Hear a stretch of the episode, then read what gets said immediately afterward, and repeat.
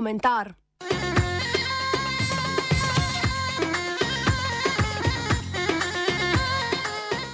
Ne Janša, ampak Mossad na RTV.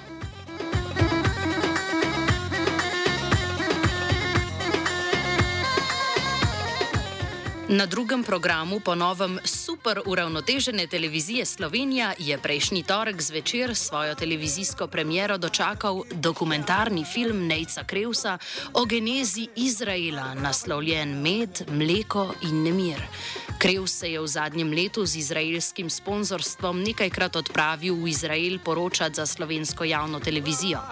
Novo pečeni voditelj dnevnika se je tako na svojo žurnalistično misijo na Bližnji vzhod podal po modelu tako imenovanega embedded novinarstva, klasičnem modelu novinarstva v tej regiji.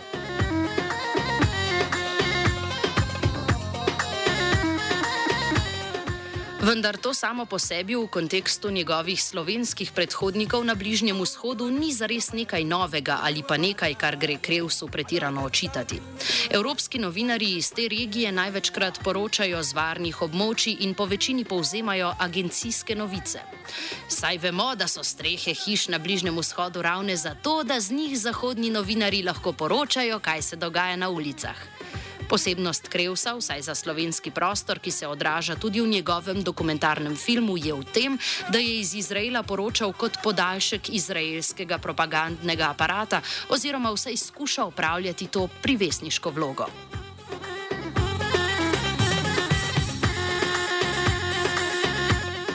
Treba je razumeti, da Izrael po drugi strani prepoveduje prestop svojih meja novinarjem, aktivistom in tudi evropskim poslancem, če se izkaže, da tja prihajajo z namenom poročanja ali opazovanja razmer palestincev.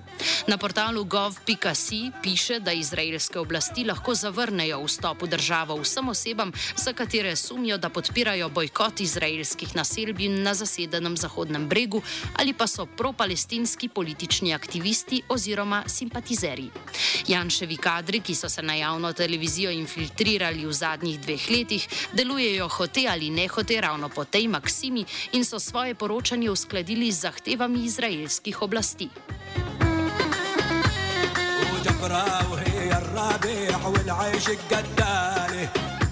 Vendar radio študent ni mladina, zato se fenomena Kreus ne bomo lotili prek koncepta janšizacije javne televizije. Ne bomo vlekli usporednic med desnim avtokratom Janšo, ki naj bi nastavil Kreusa na visoke funkcije, in njegovim domnevnim političnim somišljenikom, trenutnim izraelskim premijejem Benjaminom Netanjahujem. Problem izraelsko-palestinskega spora presega parlamentarno birokracijo in trenutno nasprotovanje Izraelcev Netanjahujevi vladi. Tako imenovani prodemokratični protesti niso usmerjeni proti izraelskemu nasilju na zasedenih palestinskih območjih, kjer so Izraelci letos ubili že 87 palestincev. Ne glede na to, kdo je na oblasti, se vsak dan štejejo mrtvi palestinci. Z vidika palestinskega problema je zato kulturni boj med privilegiranci, ki trenutno poteka v sionistični deželi, nepomemben.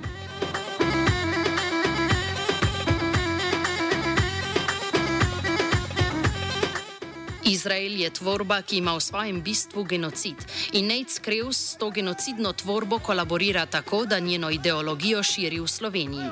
Na primerih iz filma in predpremiernega pogovora Kreusa z zgodovinarjem Renatom Podbersičem na nacionalistično-klerikalnem portalu domovina.je, ki ga je vodil nihče drug kot Luka Svetina, si bomo ogledali nerazumevanje palestinskega problema in simpatiziranje z zatiravsko izraelsko državo. Edina rdeča nit filma je revizionistična naracija ključnih etap zgodovine tega prostora oziroma palestinskega vprašanja. Pri tem se kot najbolj šokantno, presenetljivo večinoma ne kaže ponarejanje faktičnih informacij, temveč ostra selekcija predstavljenih dogodkov.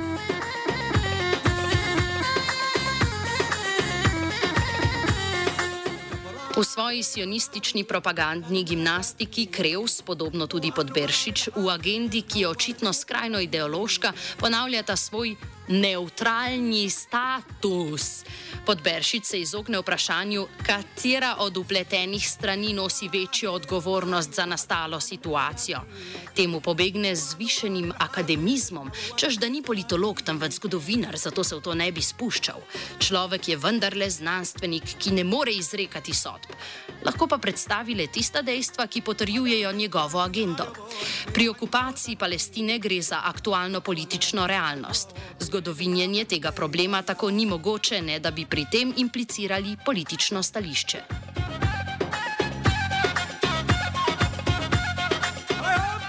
V izhodiščih filma se Krivs večkrat oprime predpostavke, da so palestinci žrtve tamkajšnje situacije. Kar se dogaja v Izraelu, je na nek način problematično. Uboge palestince pa so izdale in izkoristile arabske države. Dokumentarec nam ne ponudi niti obrisov izraelske fašistične politike do palestincev. Nekaj je pač narobe. To je edini vtis, ki ga dobimo ob gledanju filma. Problem palestincev je predstavljen v smislu, obe strani sta krivi za prelivanje krvi, vendarle pa bi bilo palestincem bolje, če priznajo nadvlado izraelske države in se integrirajo v edini demokratični sistem na Bližnjem vzhodu.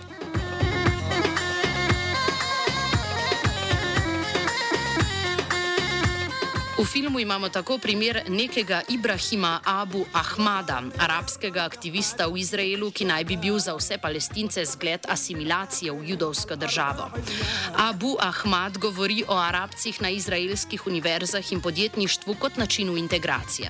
Še bolj bizaren je primer palestinca Isavija Ferđa, ki je v prejšnji vladi opravljal funkcijo izraelskega ministra za regionalno sodelovanje. Govor v parlamentu, ki je prikazan v filmu, Ferđa predstavlja predstavi kot most med Izraelom, njegovo državo in palestinci, njegovim ljudstvom.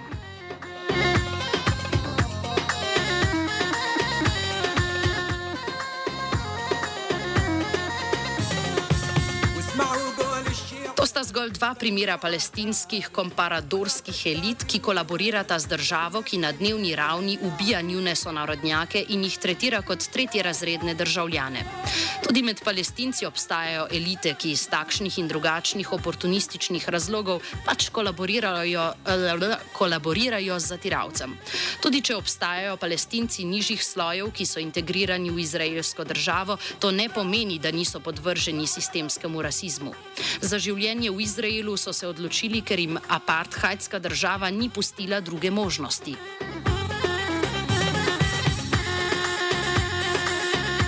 Krivsovo nepoznavanje zgodovinskega dogajanja v tem prostoru se skriva v široki zastavitvi obravnavane tematike.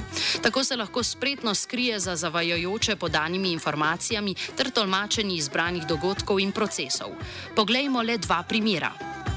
Ajo!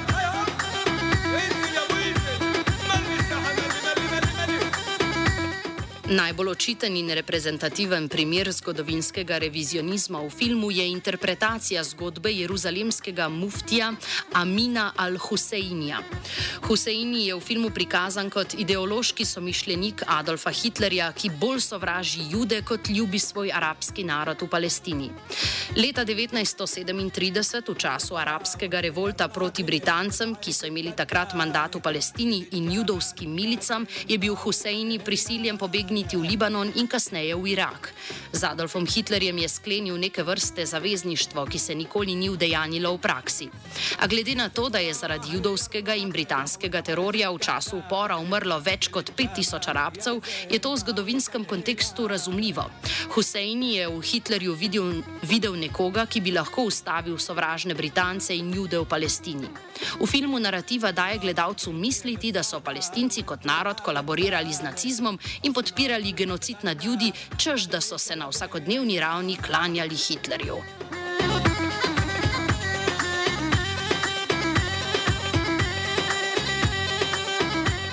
Krevsova nedoslednost in selektivnost podanih informacij se kaže že pred ustanovitvijo izraelske države. Ves čas subtilno implicira obljubljeno deželo brez problematiziranja umetnega preseljevanja judov v Palestino in številčnega razmerja med obema narodoma. Eden izmed nazornih primerov te iluzorne predstave je odločitev Združenih narodov, ki so leta 1947 sprejeli resolucijo o delitvi Palestine. Judje so resolucijo sprejeli, arabci pa zavrnili, nam tolmači Kreus. Namerno pa spregleda dejstvo, da palestinci v obdobju pred drugo svetovno vojno tvorijo okoli 90 odstotkov tamkajšnje populacije, kot večinsko ruralna populacija pa je odstotek zemlje, ki si jo lastijo palestinski arabci, še drastično višji od odstotka populacije. Delitveni načrt pa je palestinskim arabcem pripisal manj kot polovico območja Palestine.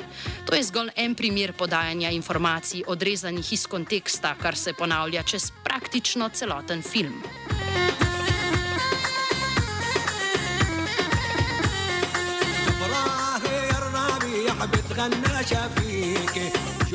Čeprav je v pogovoru na portalu domovina.je pod Bersič skušal nastopati v imenu akademske znanstvene objektivnosti in se ni pretirano spuščal v interpretacije zgodovinskih dogodkov, tudi v tem ni zdržal do konca pogovora.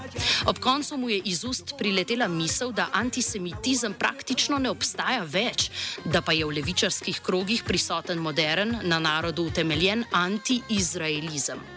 Nasprotovanje obstoju in politiki države, ki je nastala kot labodi spev kolonialnih velesil na Bližnjem vzhodu in ki sistematično zatira palestinsko prebivalstvo, je v resnici edina legitimna in humanitarna pozicija.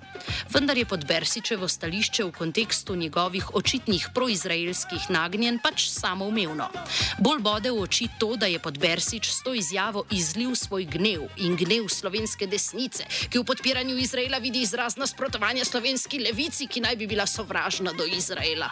S tem je Podbersič pokazal svojo regionalno zamejenost in nezmožnost preseganja lastnih ideoloških prepričanj, kar v zgodovinopisju velja za herezijo.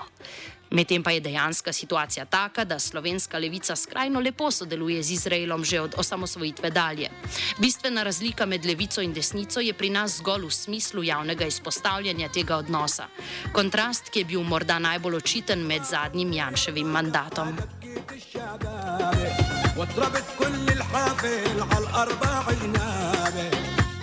Predpostavljam.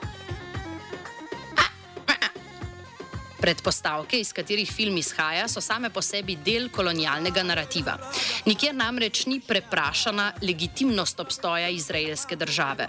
Pokril so torej Izrael tam pač je, kar je edina legitimna rešitev, ki jo je Evropska skupnost pod, po več stoletni segregaciji judov in holokaustu kot genocidnem epilogu verskega in kasneje etničnega sovraštva pač imela. Prosto pokrivsu palestinci tako brez podlage kličejo na pomoč, čež da se nad njimi dogaja dogaja genocid, saj ljudstvo, nad katerim je bil storjen genocid, samo tega pač ne more izvajati. Tako dokumentarni film kot Krevsovi izleti v Izrael so šolski primer brutalnega novinarskega oportunizma, ki ga poganja še neomajen karierizem. Komentiral je Fin.